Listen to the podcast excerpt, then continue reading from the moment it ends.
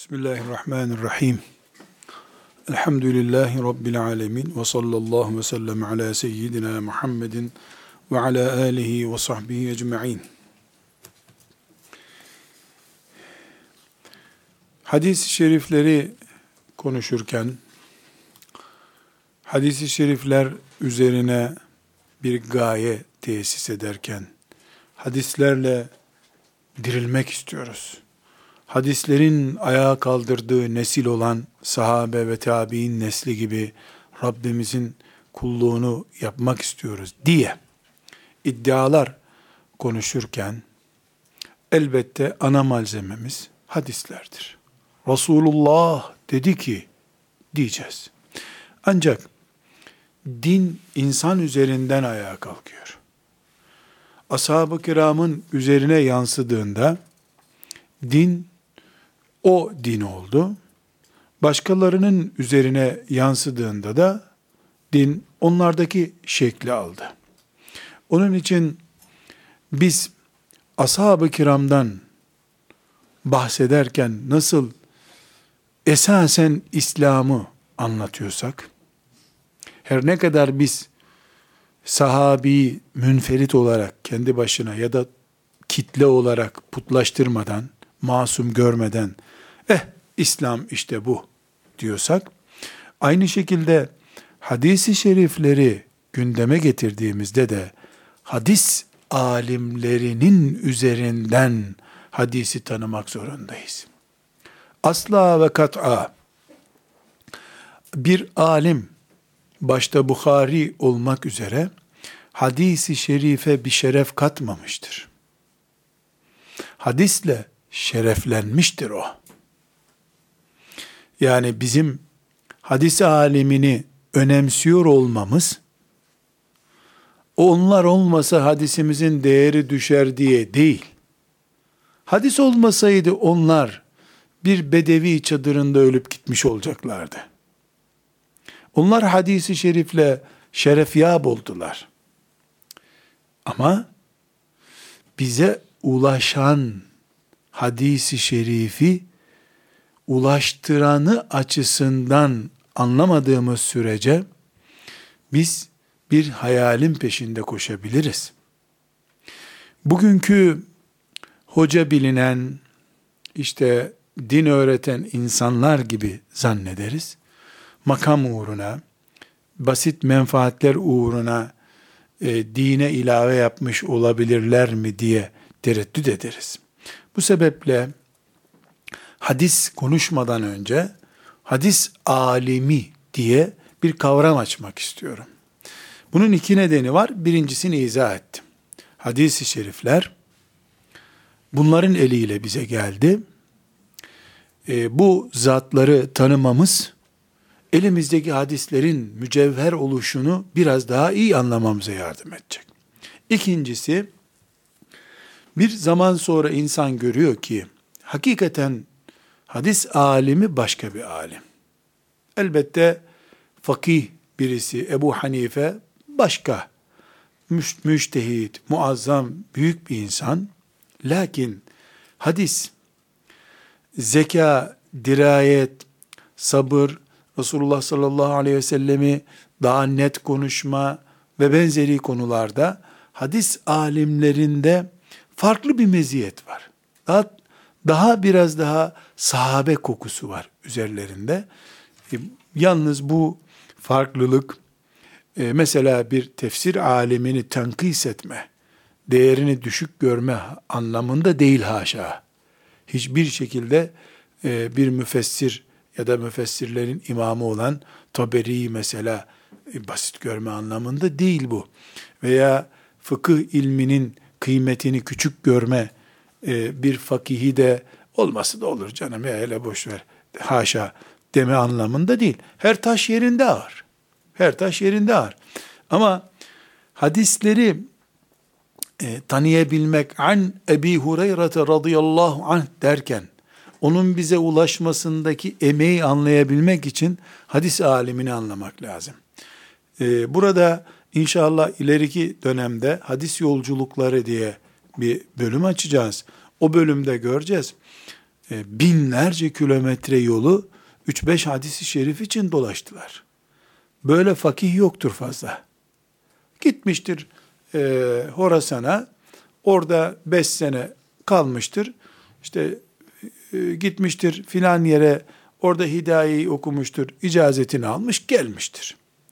Ama bakıyorsun muhaddisler, tavuk gibi, böyle tavuk bahçenin her tarafını dolaşır gibi, hadis bulabilecekleri her yeri dolaşmışlar. Bir doymak bilmez, susmak bilmez bir heyecanla Allah onlardan razı olsun. Her yeri dolaşmaya kalkmışlar. E, bu bir fark. Hadis alemi farkı. Yoksa Allah'a yakın olmak, daha takva olmak, daha cennetlik olmak gibi konuları bizim tahlil etme hakkımız yok zaten.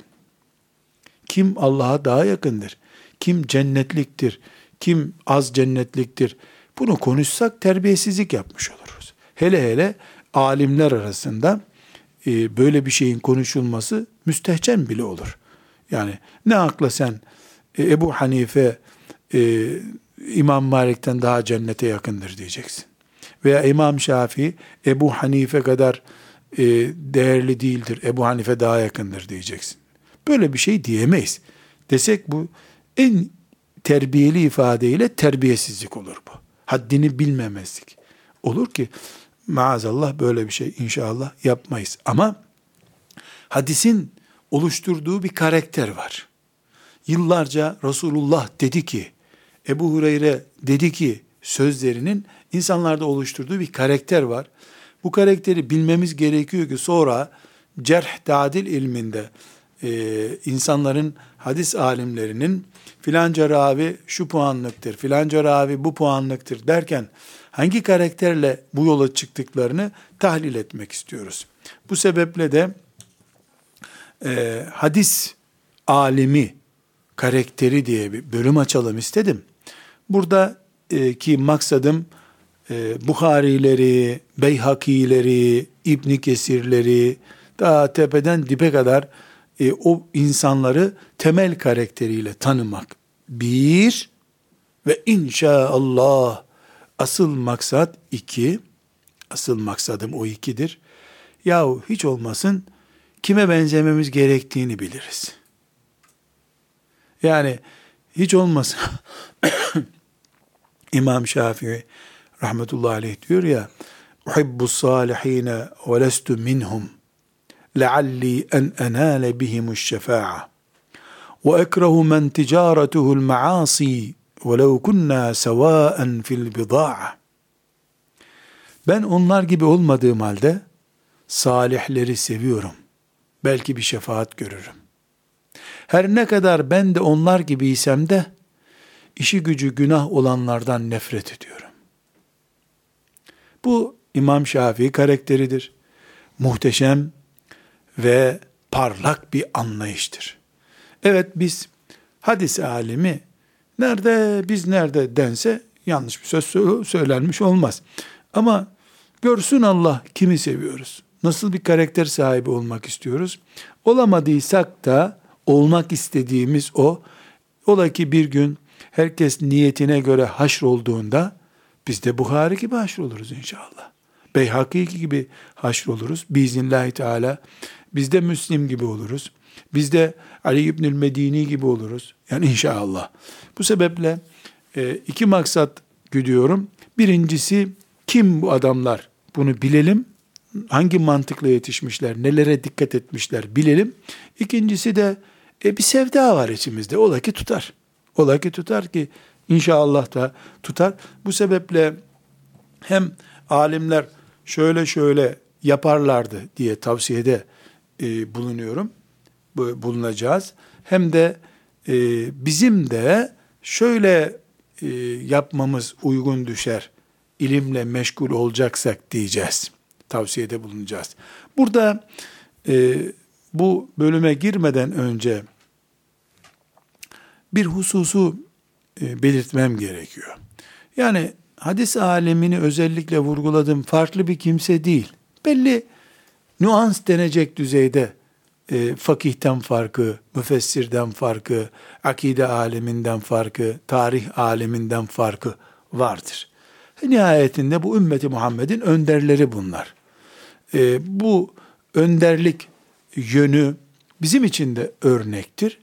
E, bize esasen e, nasıl olmamızın gerektiğini gösteren canlı örneklerdir bunlar. Binaenaleyh biz bunları dinlerken e, tarihten şahsiyetler değil, önümüzdeki hedef şahsiyetler olarak dinlesek daha iyi yapmış oluruz. Dediğim gibi yani olamayabilirim, zekam, çevre şartlarım vesaire olmayabilir. E, hasretime de engel yok ya. Allah Allah. Kalbime kilit vurulacak hali yok ya. Ben de öyle olmak istiyorum fesubhanallah. Bunun kadını erkeği yok. Şu asırda olacaksın, bu asırda olacaksın diye yok. Allah samimi gördüğü her kuluna istediğini veriyor. E biz samimiyetimizi gösteririz. Verir vermez Allah. Onun bileceği iştir, hikmetini o bilir zaten. Evet. Madde madde zikretmek istiyorum. Uzunca sürecek bu. Hadis alimi karakterini tahlilimiz uzun sürecek. Ayrıntılara gireceğim ama inşallah siz de göreceksiniz ki her bir başlık tam bir ders gibi olacak. Ee, sonra biz biiznillahü teala e, Ali İbnül Medini filanca zayıf ravidir, onun hadisiyle amel edilmez dediği zaman bu sözün hangi karakterden ve hangi maksatla çıktığını anlayıp mutmain olacağız. Aksi takdirde ya oylama yapalım senatoda bakalım kim oy çıkarsa onun tezini ona göre kabul edelim diyen insanlar olarak yani her şey oylamayla, oy çokluğuyla filan yapan insanlar olarak bir hadisi bir Ali İbnül Medini'nin veyahut da filanca şahsın sözüyle niye reddediyoruz bizi anlamakta zorlanmayız. Çünkü biz her şeyi çoğunluk kafasına uydurduk gidiyoruz. Öbür taraftan 1400 senedir bir din olan veya olmayan şey bir kişinin sözünden dolayı böyle oluyor. O bir kişi koca bir tarihi nasıl yazıyor? Ne hakla yazıyor? Kim oluyor da yazıyor? Bunu hadis kitaplarından çıkarın bunun sözünü derken bir kin mi kusuyor bu? Yoksa Allahu Teala'nın ona lütfettiği basireti ümmeti bir bataklıktan kurtaracak bir iş mi oluyor? İnsanların dinleri, imanları ile ilgili neredeyse karar veriyor. Mesela göreceğiz örneklerde inşallah. Ee, o da Müslüman, o da Müslüman biliniyor. Bu hain, Allah'ın en alçak kuludur. Bu edepsizdir. Bunun konuştuğu hiçbir söz doğru kabul edilemez. Atın bunun sözünü diyor. Yani cerh ilmi dediğimiz hadis alimleri hakkında, hadis ravileri hakkında kanaat kullanıyor. Yani insanın tüyleri diken diken oluyor. Bu ne biçim söz ya? Allah'ın en çirkin kullarındandır bu. Melundur. Bu zındıktır diyor. Böyle en ağır cümleleri kullanıyor. Ondan sonra bu puanı aldıktan sonra da bir daha onun adı geçen hiçbir hadisi hadis diye kitaplarda göremiyorsun. Bu büyük, basit bir şey değil bu. Kıyamete kadar o insana lanet okutuyorsun sen. Ya boş ver dediyse dedi de diyemiyorsun. Çünkü karşısındaki hadis alemi, cerh alemi. Sıradan bir rapor yazmıyor. Adli rapordan daha güçlü yazdığı rapor. Adli tıp raporu neymiş seninkinin yanında? Bu nasıl sağlandı işte bunu izah etmek e, istiyorum inşallah. Rabbim müyesser ederse. Hadis alimlerinde arkadaşlar 30-40 özellik sayacağım inşallah. Birincisi hadis alemi dediğimiz şahsiyetler inşallah çok isimler zikredeceğiz. Bilhassa cerh tadil ilmini konuşurken onlarca isim geçecek.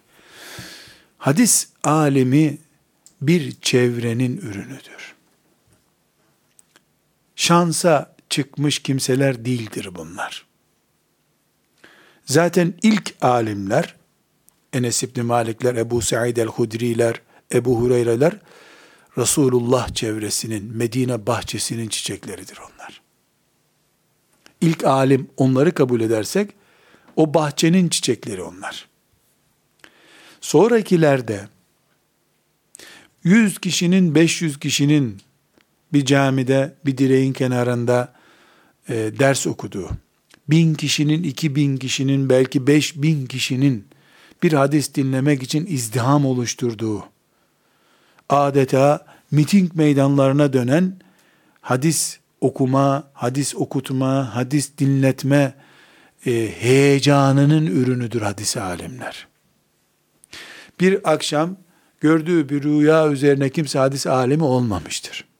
Ümmeti Muhammed sallallahu aleyhi ve sellem veda hutbesinden sonra insanlık tarihinde bir daha taklit edilemeyecek şekilde büyük bir heyecanla Resulullah'ı insanlığa ulaştırmak, kıyamete kadar taşımak için bir hamle yaptılar.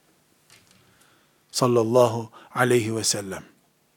Müthiş bir heyecanla yola çıktılar. Açlık, susuzluk, çıplaklık, dayak, işkence hiçbir şey bunların önünde engel olmadı.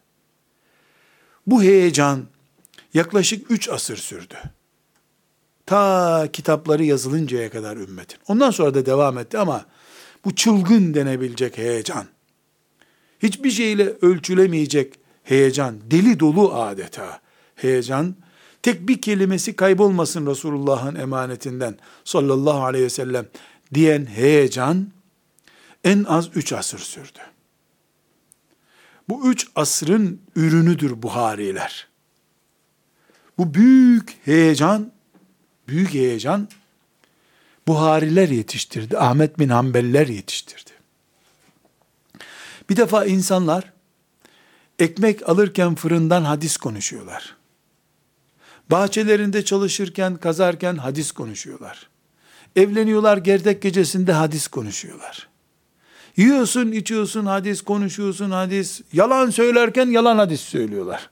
Doğru konuşurken doğru hadis söylüyorlar. Yani on binlerce hadis bize intikal etti. On binlerce de yalan çıktı bu sefer. Yalan bile hadis sayesinde inanılır oldu. Yalanın kılıfını bile hadisten yapmak zorunda kaldılar. Çünkü piyasa hadisle ayağa kalkıyor. İnsanlar hadisin varsa sana Müslüman diyorlar. Hadisin kadar değer biçiliyor. Hadis alimleri, hadis ilminin önderleri bu büyük heyecanın ürünüdürler. İnşallah bu heyecan sağlandığı zaman tekrar yeniden Bukhari ve emsalleri dünyada gelebilir, bulunabilir. Hadis alimi konusunda e, düşünülmesi gereken ilk not budur. Bu çok önemlidir. Yani durup dururken matematik laboratuvarında, biyoloji laboratuvarında coğrafi sonuçlar çıkmıyor. Aynı şekilde insanların doğumdu, doğumundan ölümüne kadar başka şeyleri konuştuğu bir dünyada da Buhari çıkmıyor. Camiler hadis merkezi gibi. Çarşılar hadis merkezi gibi. Siyaset hadisle kaynıyor. İnsanlar e, düğün yapıyorlar, düğünlerde hadis konuşuluyor. Her yer hadis alıyor, hadis veriyor. Bu geniş pazar on binlerce, belki yüz binlerce böyle bir rakam söyleyemeyeceğim ama yüz binlerce denebilecek kadar büyük bir insan kitlesini, mümin kitlesini cihat heyecanıyla ve ibadet aşkıyla hadisle meşgul ediyor. Doğal olarak da bu büyük piyasadan Buhariler çıkıyor bu sefer. Müslimler çıkıyor. Siyaset, ticaret yavaş yavaş hadisten el çekince Buhari ayarı İbn Mace ayarına düştü. 100 olan kalite 90'lara düştü, 80'lere düştü. Biraz daha camilerde bile hadis konuşulması azalınca İbn Mace'lerin düzeyinden de aşağı indi bu sefer. Sonunda e, cuma hutbesi yerine ormanla ilgili vaazlar yapılmaya başlanınca da Riyazu Salih'in bile unutuldu. Ne kadar arz, o kadar talep, ne kadar talep, o kadar arz olmuştu. Veda hutbesi bütün coşkusuyla bir arz yapmıştı, talep istemişti. Veda hutbesini Allah ile ahitleşme olarak gören nesil, Tamam şahidiz ya Resulallah. Şahidiz, şahidiz diye ahd veren, e, söz veren nesil tuttu dünyaya yayıldı. Bu ahd yerine gelsin. Şahidiz ya Resulallah, şahidiz. Sen bize teslim ettin Allah'ın emanetini diyen nesil yaydı. Bir arz, bir talep vardı. Sonraki nesiller bilhassa fetihler çoğalıp o heyecanı taşımayanların da camileri doldurduğu zamanlarda bunu düşürdüler bir miktar. Vallahi olursa çok iyi olur bu hadis-i şerifler dediler. Bunu bir cihat, bir yemek lezzeti gibi yaz günü su içmek gibi görmediler. Fena olmayan güzel bir iş olarak gördüler. Bu sefer işte Buhari gelmedi peşinden. Müslim gelmedi. Daha düşükleri geldi. Beyhakiler geldi. E, filancalar geldi. Ama biraz daha da kaybolunca daha önemli işlerimiz var bizim. Deyince nesil onlar da kayboldu. Gidiverdi. Yerine felsefe geldi. Yerine başka şeyler geldi. Bu asırda matematik geldi yerine. Biyoloji geldi. Coğrafya geldi. İnsanlar, çocuklar bile şu anda neden küçük çocuklar bile bilgisayar yazılım programı üretebiliyorlar? Doğan çocuğa oyuncak olarak bilgisayar veriliyor. Kahvede bilgisayar var. Otobüslerin koltuklarının arkasında bilgisayar var. Hayat bilgisayarla olup kalkınca, tuvalette bile affedersiniz bilgisayar olunca, tuvalete giriş çıkış bile sensörlü böyle bir bilgisayarlı sistemle kapısı açılıp kapanır. Sen giriyorsun ışık yanıyor, sen çıkıyorsun ışık sönüyor.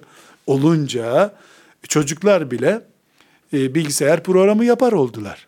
Arz var, talep var.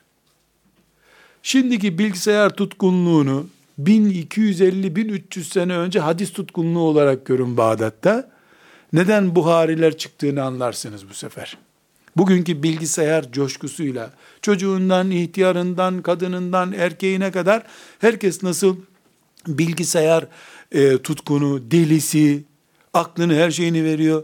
Yani çocuk 10 senelik harçlığını borca girerek e, veriyor e, ve bilgisayar ediniyor.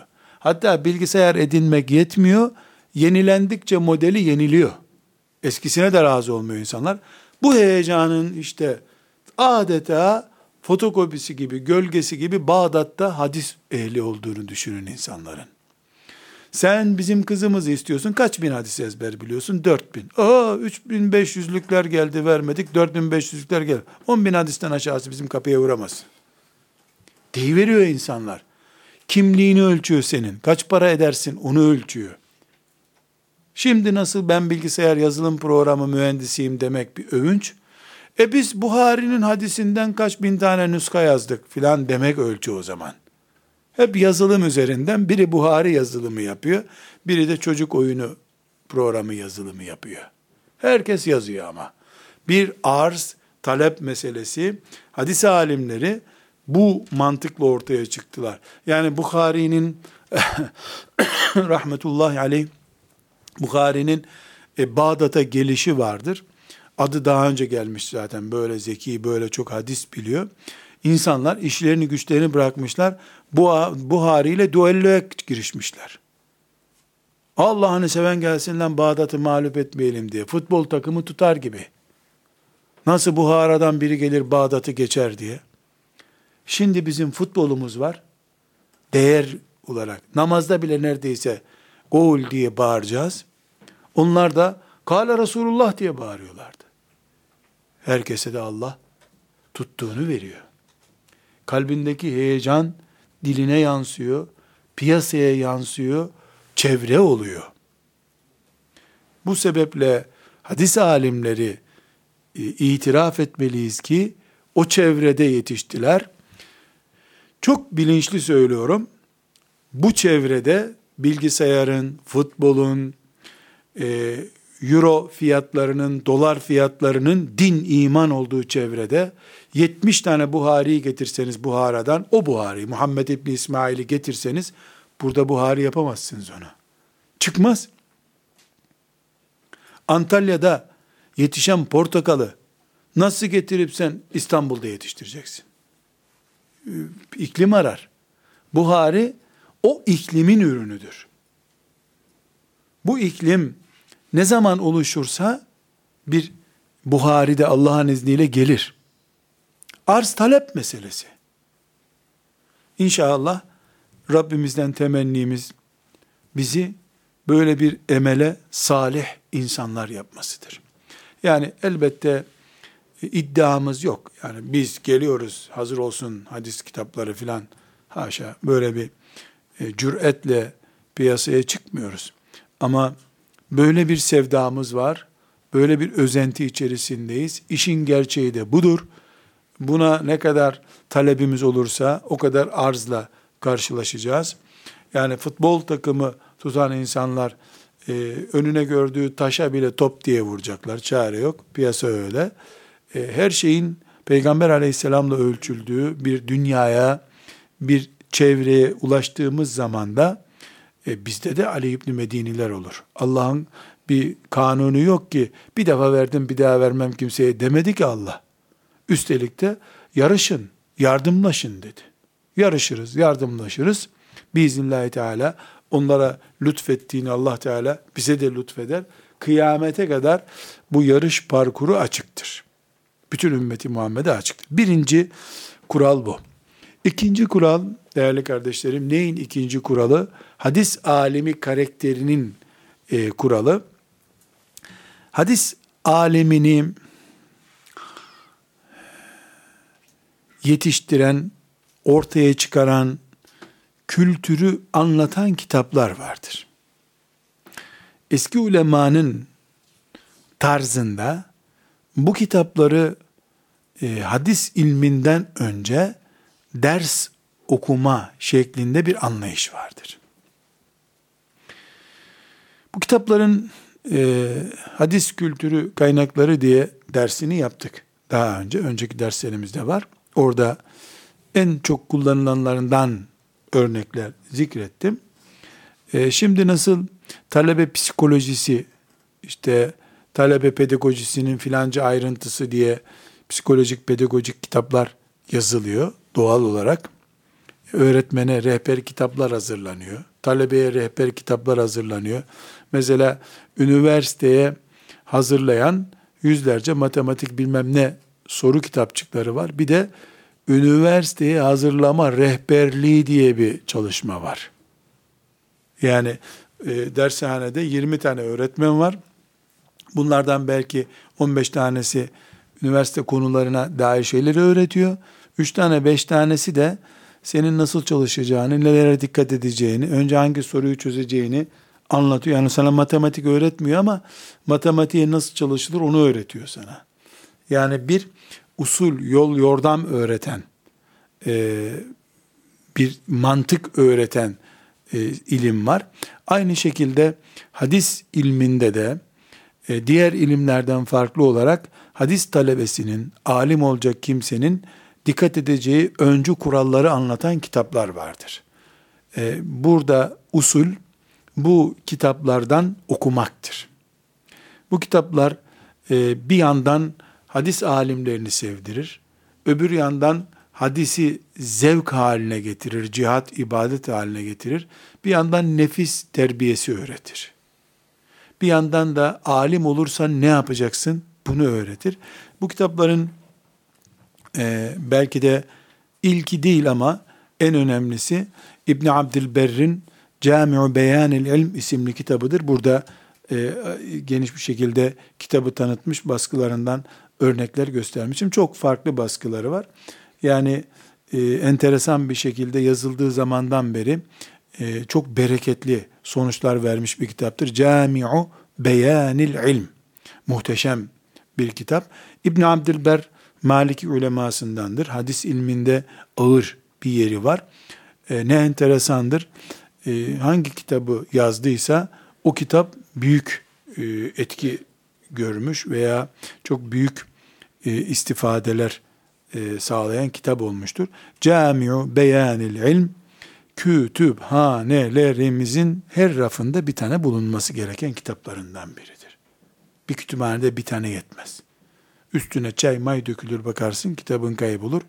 Her baskısından bir tane alıp her rafa bir tane konmasına değer bir kitaptır. Allah İbn Abdülberre rahmet eylesin.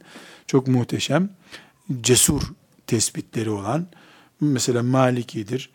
E, fakat mezhep taassubu yoktur. Resulullah'tan başka kimseye taassubu olmayan birisidir. E, böyle elbette yani insan nihayetinde böyle bulunmaz bir daha eşi benzeri olmaz bir melekten söz etmiyoruz. Bir alimden söz ediyoruz. Allah dostu bir alimden söz ediyoruz. Bu alimlerin e, nasıl yetiştiklerine dair örneklerle dolu bir kitap olduğu için özellikle bunu zikrettik. Konumuz ne? Hadis alemi karakterinin nasıl oluştuğunu, hadis alimlerinin önceliğinin neler olduğunu özellikle konuşmaya çalışıyoruz. Üçüncü olarak da kardeşler, hadis ilminde özellikle hadis alimlerinin e, tavsiye ettikleri, e, önemsedikleri konulardan birisi de hadis ilminde öğrenim sıralaması olması gerekiyor. Öğrenim sıralaması. Çünkü hadis büyük bir ilim dalı olarak e, bir, iki, üç, beş branşı olan bir ilimdir. E, mesela e, İbn İmam Şafii'nin hayatından görürsünüz. Ahmet bin Hanbel'in hayatında var. İşte Mekke'de e, gidiyor filan hoca efendiden icazet alıyor. E, bir bakıyor oğlum sen şimdi Medine'ye git İmam Malik'i bul orada diyor. Adeta ilkokul, ortaokul, lise, üniversite böyle bir, bir branşlaşma var. Ya Allah tepeden inip Buhari'nin ortasından girmek yok.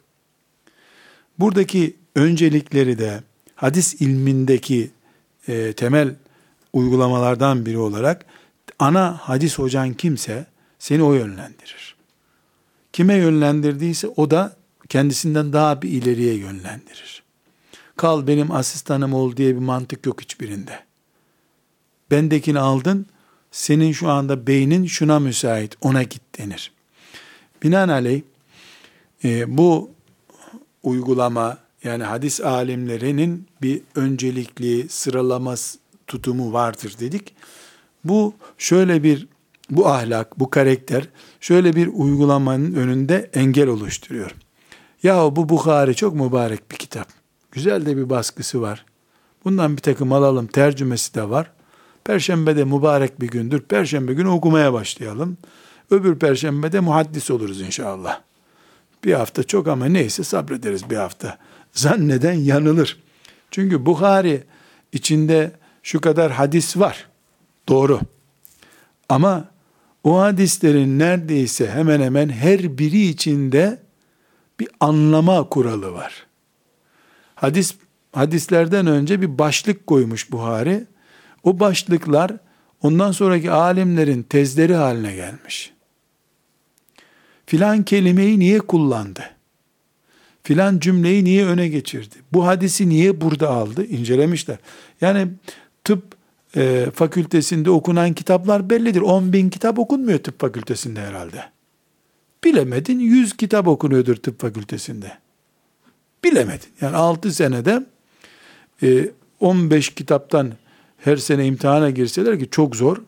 O fakültede okuyan delirir zaten. İnsan bu 100 tane kitabı alsa, e, alfabetik sıraya koysa ya da kalınlık sırasına göre koysa, okusa ezberlese doktor olmaz.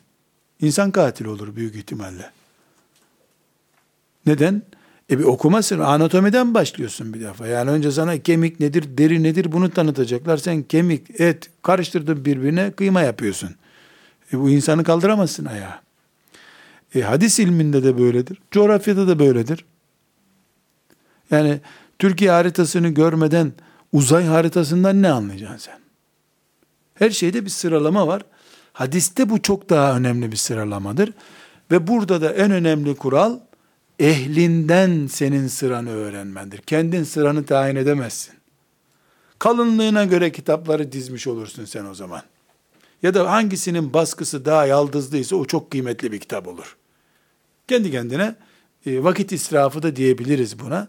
Hadis alimleri bir merdivenlendirme, basamaklandırma süreci yaşamışlardır. Buna ilk hadis alimlerinde rihle deniyor. Yani neredeyse adım adım İslam toprağını dolaştılar. Gittiler, öğrendiler. Adam seçtiler. Yani filan muhaddis filan dereceden icazet veriyor.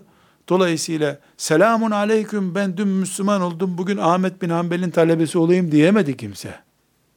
Bakı İbni Mehlet İspanya'dan kalktı geldi, Endülüs'ten kalktı geldi Bağdat'a. Ahmet bin Hanbel'in önüne diz çökecek adamdı çünkü. Yani elif cüzünü profesörden öğrenemezsin. Profesör de öğretemeyebilirsen aslında elif cüzünü. O bir sınıf öğretmeninin işidir. Çarpım tablosunu profesörden öğrenirsen profesöre de zulmedersin. Sen de zaten doğru dürüst bir şey öğrenemezsin. Azarlar seni. Hadis ilmi de ciddi bir e, basamaklandırması olan, e, yükseldikçe zorlaşan, zorlaştıkça genişleyen bir ilim. E, bu bir hadis aleminin önünde başlamak, ondan aldığın icazetten sonra öbürüne, ondan öbürüne, ondan öbürüne. Bu rakamlarda çok önemli şeyler zikrediyorum arkadaşlar. Bazı alimler kendi hayatlarını yazmışlardır. ilmi serüvenlerini.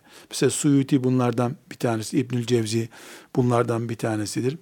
E, Buhari gibiler e, çok fazla e, icazetlerini, ilmi serüvenlerini yazmaya vakit bulamadılar hadisle meşguliyetlerinden dolayı. Allah hepsine rahmet eylesin. E, mesela çok dikkatimi çekmiştir. Suyuti'nin binden fazla hocası var. Bin, bin. 52 tanesi kadındır sadece. Bildiğiniz koca Suyuti'nin 52 tane kadın hocası var. Bunlar alfabetik sıraya göre dizmemiş ama onu vurguluyorum. Birinden icazet alıyor. Tamam yavrum sen git diyor filancaya şimdi diyor. Ya da bakıyor ki bu okuttuğu dersi ben geçen sene okumuştum diyor. Gidiyor e, filancanın ne okuttuğunu merak şu kitabı o ona gidiyor. Arapçasından, fıkıhından, e, felsefesinden ne okuyacaksa artık. Matematikte dahil. Suyuti mesela uzay ilmi okumuş. Tıp ilmi okumuş. Bir noktaya geliyor. Öğle ile ikindi arasında bir yarım saat boş vakit buluyor. Duyuyor ki Kahire'de birisi tıp okutuyor. Gidiyor ondan tıp okuyor. Mıknatıs gibi ilim çekiyor kendine. Ama bir kademelendirme var. Yukarıdan aşağı inmiyorlar. Aşağıdan yukarı çıkıyorlar hep. Sıçrayarak değil, tırmanarak çıkıyorlar. E, bu e, ürün verdikleri zaman hata oranını düşürüyor bu sefer. Yukarıdan, bacadan gelenler hata üstüne hata yapmak zorunda kalıyorlar. Bu sebeple ya ben Buhari'yi niye okuyamıyorum canım Allah Allah diyen biri sanki Buhari okumak yasakmış gibi. Ya kardeşim sen bir anatomi kitabı da okuyamıyorsun ama. Sen plastik cerrahi ile ilgili bir kitap okuyabiliyor musun? Okuyunca anlıyor musun? Türkçe. Tamam Türkçe yazılmış bir kitap. Anlat bakalım ne diyor bu? E, bir şey anlayamıyorsun. E, Türkçe, Türkçe olması yetmiyor ki. Bir branş kitabıdır. Plastik cerrahi kitabını okumak için 6 sene tıp okuyorsun sen. 6 seneden sonra seni bir imtihana daha alıyor. Tıp okumaktan daha fena bir imtihana alıyor. Şimdi bu ilmi gel oku diyor sana. E hadis de kendi başına bir ilim. Üstelik de işin ucunda din var. Allah dedi, peygamber dedi diyeceksin. E, o kadar kolay mı Allah dedi, peygamber dedi demek? E bir e, basamak, basamak yapma, bir merdivenle tırmanmak kadar doğal bir şey yok. Hadis alimleri nezdinde bu çok muteberdir. Önemli bir kuraldır. O sebeple e, yukarıda sözünü ettiğim Cami Beyanel Elm gibi e, hadis e, öncesine hazırlık yapan kitaplar, e, Hatip Bağdadi'nin e, Cami Ahlak-ı Ravi isimli e, kitabını da zikretmiştim. Yani orada belli örnekler zikrettik. E, bu örnek kitaplar bir usul oluşturuyor. E, hoca efendiler, alimler de ön, önünde oturan talebelere bu kitapları okutuyorlar. E, ya uygulamada gösteriyor zaten ya da sen önce bir e, Cami-i Beyanil Elmi oku gel bakayım diyor. Ondan icazet alıyor. Ondan icazet veriyor. Yani ben karşılaşmadım ama e, duydum. Medine-i Münevvere'de Camiu Beyanil İlm isimli İbn Abdülberr'in kitabından icazet veren, icazeti de İbn Abdülberr'e dayanan adam gördüm. Estağfurullah adam duydum. Yani böyle var dediler, ben görüşmedim. Beş, beşinci asrın adamı İbn Abdülber, beşinci asrın adamı, yani 900 sene önce ölmüş bir alimin kitabını zincir üzerinden icazet veriyor. Yani İbn Abdülber bir talebesini okutmuş o kitabı. Talebesi öbürünü okutmuş. O onu okutmuş, o onu okutmuş, o onu okutmuş, o onu okutmuş. Bu muhteşem bir şey. Bu bir ahlaktır. Bir idrak seviyesidir. Bu ümmet büyük özen göstererek e, bu ahlak seviyesini kaybetmemeye çalışmıştır. Elhamdülillah. E, buna özellikle e, dikkat ediyoruz. Hadis alimlerinde e, dördüncü dikkat edilen hadis alemi üzerinde ortaya çıkan temel karakterlerden bir tanesi de hadis ilminde e, bilmişlik çok zordur. Bilmişlik yoktur. Özellikle hadis alimleri arasında. Neden özellikle hadis aslında alimler bilmişlik taslamazlar. Nihayetinde onlar innema yakşallaha min ibadil ulema ayetine muhataplar onlar. Allah'tan en çok korkması gereken onlardır. Hadiste iştihat filan yoktur. Ne iştihat edeceksin ki? Sadece Resulullah dedi ki diyorsun. Ben şunu anladım diye bir yenilik üretmek yoktur hadiste. Nakil vardır. Olsa olsa e, sen filancadan 5000 tane fazla hadis biliyorsundur. Senden de 5000 fazla bilen var zaten. Yenilik icat kapısı kapalıdır. O yüzden hadis alimleri arasında müştehit oranı düşüktür. Buhari kendi başına bir müştehittir ama yani Buhari gibi Ahmet bin Hanbel gibi iştihat düzeyinde muhaddis yoktur. Çok azdır yani. Var da çok azdır. Çünkü hadis müştehit üretmez. Güçlü nakilci üretir. Rivayetçi üretir. Bu hadis ilminin ve hadis alimlerinin bir artısıdır. Yani hiçbir zaman e, hata ettin, yanlış hüküm verdin denmez hadisçiye. Hüküm vermiyor çünkü. Resulullah dedi ki diyor. E bu bir yanlış bilgi ise Ebu Hureyre düşünsün. Ebu Hureyre öyle, öyle aktardı. Veyahut da Ebu Hureyre'den kim naklettiyse artık. Yani hadis aliminin vazifesi nakletmektir.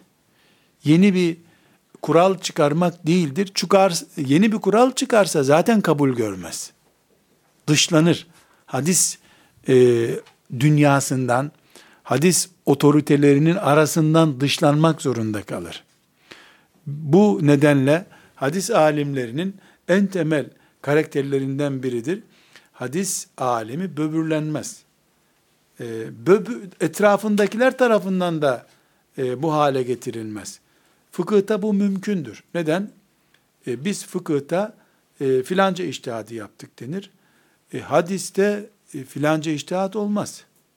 Mesela e, 100 fakih, 100 iştihad eden fakih varsa Bağdat'ta, 10 sene sonra bunlar en az 5 mezheptirler. Çünkü her biri iştihad ediyor, hak olarak. Bu da gerekli. E iştihatlar çoğalınca, çoğalınca, çoğalınca mecbur gruplaşma oluyor. Ama yüz muhaddisin içinden iki fırka bile çıkmaz. E ne çıkacak ki zaten? Ne kadar çok hadis sayılıyorsa Resulullah güçleniyor sallallahu aleyhi ve sellem. Onların ayrılacağı bir şey yok. Ama hadisi malzeme olarak kullanıp kendi iştihatlarını yaymaya çalışan birisi bir farklı zemin oluşturur. Mesela İmam Şafii rahmetullahi aleyh muhaddistir, fakihtir, ham madde olarak hadisi kullandı. fıkıh olarak dinine hizmet etti. Ebu Hanife'den farklı biri olarak ortaya çıktı bu sefer. Hocası İmam Malik'ten farklı oldu. İmam Malik, e, İmam Şafii'nin hocası. İmam Malik muhaddis, e, İmam Şafii de muhaddis ama fakih aynı zamanda. Çift branşı var, yan dalı da var. E, fakih de olduğu için hocasından farklı şeyler düşündü bu sefer. Ama bu kat'iyetle yanlış bir şey manasında değil. Fıkıh bunun tarlasıdır zaten. Yani fıkıh bir ayrı iştihat üretmediği zaman fıkha gerek yok ki. Elbette bir fakih e, Allah rızası için daha iyi hangisidir diye düşünecek ve bunu uygulayacak. Yapması gereken budur fakihin. Bunu yapmadıktan sonra fakih, fakih olmaz. Ne olur? Yani o da nakilci duruma düşer. Onun adına fakih dememize gerek yoktur. E, hadis ilminin e, oluşturduğu anlayışta e, hadisçiler adeta bir blok gibidirler. Neden blok gibidirler? Çünkü aralarında çok bir ihtilaf çıkmasına gerek yoktur. Herkes pazara yani ilim pazarına aynı şeyi getiriyor. Herkes Ebu Hureyre şöyle görmüş diyor. Sa Said İbni filan şöyle görmüş diyor. Herkes bir e, şey sepetinde bir şey getiriyor. Getirdiği şey aykırı olmayı gerektirecek bir şey değil. Ama fıkıh ilmi için e, filan diğer ilim için aynı şeyi söylememiz çok zor. Bu sebeple diyoruz ki dördüncü tespit olarak hadis alemi dediğimizde e, aykırı mezhep oluşturan vesaire gibi bir anlam çıkarmak çok zordur. E, bu ümmetin içinde alimlerin e, farklı mezhep olmalarının, ekol olmalarının iyiliği veya kötülüğü manasında konuştuğum bir şey değil. O ayrı bir mesele. Yani onu şu anda tahlil etmemize gerek yok ama alimlerin ihtilafına karşı bizim tavrımız bu konuda gelecek. İhtilafları nasıl değerlendireceğimiz konusunda e, konuşacağız. Burada çok önemli e, bir not daha zikretmek istiyorum arkadaşlar. Alimler, hadis alimleri özellikle ve genelde alimler edebe dikkat ederler. Zaten edep olmadıktan sonra ne ilim olur ne de alim olur ortada. Bu edebe dikkatleri ne yazık ki bizim için abartı denecek kadardır. Ya o kadar da olmaz. Denecek kadardır. Ama biz herhalde çok aşağı düştüğümüz için onları çok sıçradılar diye görüyoruz. Binaenaleyh bizim düştüğümüz seviye hedef değildir. Onların çıktığı, yüceldiği seviye hedeftir. Bu edebi arkadaşlar birbirlerine karşı da gösterdikleri gibi bugün epey oranda e, uyguladığımız, uygulamaya çalıştığımız e, bir isim anarken de dikkatli olma edebi de vardır onlarda. Mesela Allahu Teala'ya karşı Allah deyip bırakmazlar. Teala diye ilave ederler. Bu farz değildir.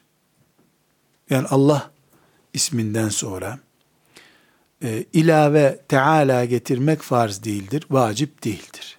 Edeptir sadece. Teala'dan başka da Allahu Teala'yı yücelten herhangi bir sıfatı kullanılabilir. Allahu Celle Celaluhu denebilir. Allahu Subhanehu denebilir. Ee, ama her halükarda en çok yaygını Teala'dır. Türkçe'de biz buna Yüce Allah diye e, tercüme ediyoruz. Yücelik e, kelimesi Teala ile uyuşmaz. Neden? Çünkü Teala Kur'an kavramıdır. Kur'an'dan bir kelime olduğu için tercüme edilmeden kullanılmasını isteriz. Bugüne kadar alimlerimiz buna çok dikkat etmişlerdir. Teala, Allahu Teala. Teala yüce oldu diye bir kelimedir. Ben özellikle e, yazılışında da mümkün olduğu kadar dikkat ediyorum. Bilinçli bir şekilde büyük harfle yazıyorum. Yani e, bir e, fiil olduğu halde ben onu e, özel isim kalıbında kullanıyorum. E, şeriat kelimesini özel isim görüyorum. Sünnet kelimesini özel isim görüyorum. Büyük harfle yazıyorum. E takısı getireceğim zaman üst virgülle bölüyorum onu. Edebiyatçılar fena rahatsız oluyorlar bundan. Ee, yok kural böyle. Koydum ya vallahi Allah diyorum. Demokraside bir benim hakkım yok lan. Herkes bir şey koyuyor. Ben de bunu koydum işte. La ilahe illallah ya. Bırak benim bu hatam kaydolsun. Türk Dil Kurumu beni atsın vatandaşlıktan. Şeriat kelimesi Kur'an demektir. Kur'an'ı büyük harfle yazıyorsun. Niye şeriatı küçük harfle yazıyorum? Niye şeriatı küçük harfle yazayım ki? Tevrat dediğin zaman büyük harfle yazıyorsun. Şeriat da bu ümmetin din pratiği demektir. Özel bir kavram gösteriyor. Ama şeriatı tarihte kalmış bir uygulama olarak görürsen tabii şeriatı büyük harfle değil normal harfle de yazamazsın sen. Ben büyük harfle yazarım. Hem de kalın harfle yazarım. Eğer buna da inandıramazsam kalın harfle yazacağım artık inşallah. Şeriat, sünnet. Sünnet özellikle ben e, büyük harfle yazıyorum. Bilgisayarımda da program ona göre ayarladım. Ben küçük de yazsam büyük yazıyor. İkaz ediyor hata bu diye. Elhamdülillah. E, bir şeyi kastediyorum. İmlaya uygun değilmiş. Gökten mi indi bu imla? Yerden bitenler bunu koydu. Ben de yerden bittim. Ben de ilave ettim. Bu kadar basit. Reddederse Türkçe kitaplarına koymazlar bunu. Koymasa koymasınlar. E, Allahu Teala'yı bu şekilde e, kullanır. Özellikle hadis alimlerinde ama bütün ümmetin büyüklerinde bu e, hassasiyet vardır. Bunu sürdürmek gerekir arkadaşlar. Bu bir edeptir, terbiyedir. Bu terbiyeden şaşmamak gerekiyor. Peygamber e, sallallahu aleyhi ve sellemin ismi Muhammed, Ahmet, Muhammed, Mustafa gibi isimlerinden biri. Veya peygamber kelimesi direkt onu gösterdiği zaman yani ona işaret eden zamirler veya isimler veya sıfatlar anıldığında sallallahu aleyhi ve sellem demek ya da aleyhissalatu vesselam demek veya aleyhisselam demek e, vaciptir. Dikkat edin Allah sözünden sonra Teala demek vacip değildir. Ama peygamber isminden sonra e, salavat veya selam getirmek vaciptir, farzdır.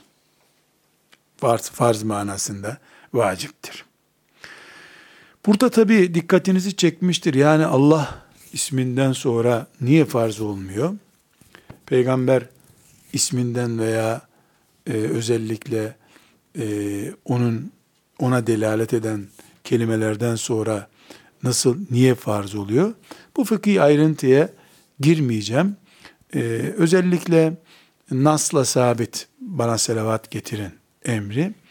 Ee, bir, ikincisi yani Allahu Teala'yı e, gösteren isimler, kelimeler öyle yoğun ki müminin kalbinde zikir yapıyorsun mesela. E bin defa Allah deyip peşine bin defa salavat e, e, Teala deyip bir övgü getirdiğin zaman ona da bir övgü getireceksin. Bitmez tükenmez. Yani kulun Allahu Teala'nın ismine tazimi için şu kadar getir de o tazim e, yerini bulsun desem böyle bir ölçü yok. Övmeyi övmek gerektiriyor. Reklamın reklamı, reklamın reklamı, övgünün övgüsü, övgüsü, övgüsü gerektiği için bu zincirleme bitmez, tükenmez. O sebeple Allah isminden sonra farz vacip düzeyinde bir görev değildir. Burada çok ince bir çizgi var. İnşallah yeri gelir e, uygun bir mevzusunda bunu zikrederiz. Sahabeden birisi anıldığında radıyallahu anh demek Kur'an'dan işaretlenen bir edeptir. Radıyallahu anh. Radıyallahu anh Allah onlardan ondan razı olsun demektir. İki sahabi ise radıyallahu anhuma çok sahabi konuşuyorsak radıyallahu anhum. Kadın sahabilerden birisini konuşuyorsak radıyallahu anha deriz. Arapça e, kurallarından dolayı. E, Kur'an-ı Kerim radıyallahu anhum ve radu anh diyor. Allah'ın onlardan e, memnuniyeti, kulluklarını beğenmesini rıda fiiliyle kullanıyor. Dolayısıyla Allah Kur'an'da Allah onlardan razı oldu buyurunca e bizim de yapacağımız en iyi dua o. Radıyallahu anhum. Radıyallahu anhum. Ama bunu farz ve vacip olarak görmüyoruz. Edep olarak görüyoruz. Fakat burada bir ayrıntıya girmem gerekiyor. Bizim Türkçemizde ve Hint kökenli kültürlerde, Hindistan kökenli kültürlerde, yani Hindistan'dan Trakya'ya gelinceye kadar olan kültürde gerek Allah, gerek peygamber ve gerekse sahabeden birisi anıldığında ve daha sonraki nesillerde alimler anıldığında hazret getirilir başa. Hazra, ha, vat, ra ve ta. Hazratu. Sayın demek. Tam Türkçesi. Sayın. Sayın filanca. Yani tam ortalama Türkçesi bu. Hazret, beyefendi, sayın manasında. Şimdi bu dini bir kaynağı yoktur. Benim şahsi kanaatim sakıncalı bir kelimedir. Kullanmamaya çalışıyorum. Kullanmıyorum. Çünkü Hazreti Allah tercüme et. Sayın Allah. Hazreti Peygamber Sayın Peygamber. Hazreti Bilal Habeşi Sayın Bilal Habeşi. Hazreti Mevlana bir kelimeyi dört kişi için kullandık. Allah, peygamber, sahabi, Celaleddin Rumi. İmam-ı Azam. Bu ne mübarek kelimedir ki Kur'an'da yok, hadiste yok, ashab-ı kiram bilmemiş, e, tabi'in nesli bilmemiş, herkese mübarek oluyor. Bu mancınık mı şey yok, e, maymuncuk mu bir anahtar var her kapıyı açıyor. Böyle maymuncuk kelimelerden. Tam o kelime maymuncuk deniyor herhalde. Böyle her kapıya uyuyor. Otellerde filan bir anahtar oluyor herkeste. Maymuncuk kelimelerden biri bu.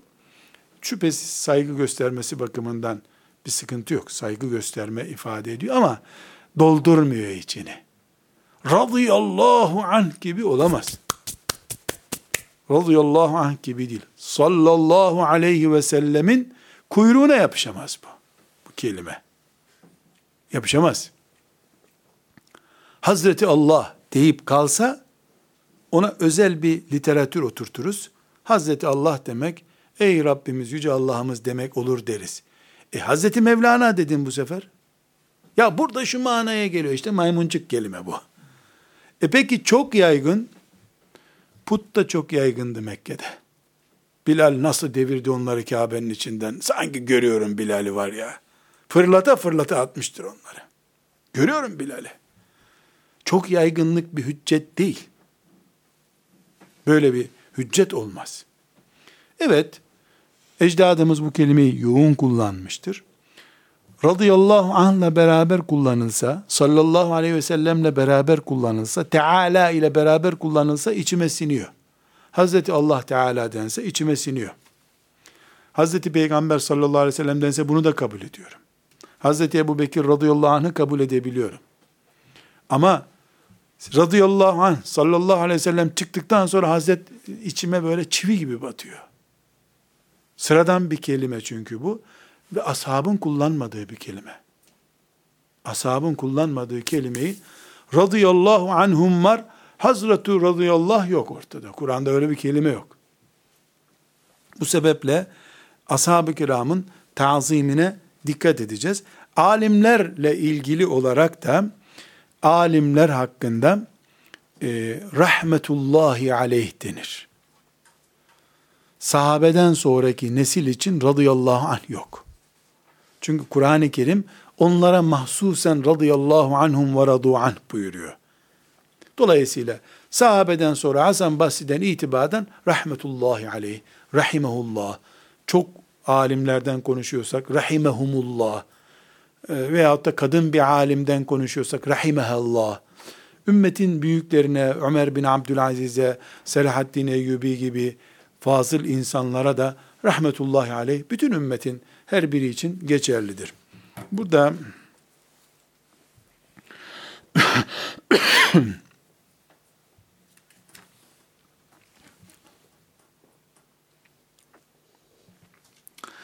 ee, bu bahsettiğim ümmetin büyükleriyle ilgili e, hangi kelimeleri kullanacağımızla ilgili İbn Kesir'in bir e, güzel sözü dikkatimi çekmişti. Daha talebeyken bunu not almıştım.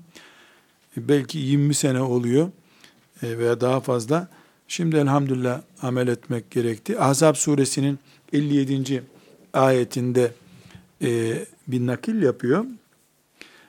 O ayette Allah Teala e, Peygamber sallallahu aleyhi ve selleme salavat getirmeyi emrediyor ya, ona girince alemlerin usulüdür, ona benzer konuları da araya sıkıştırırlar. Burada ashab-ı kiram için ne deniyor dedik?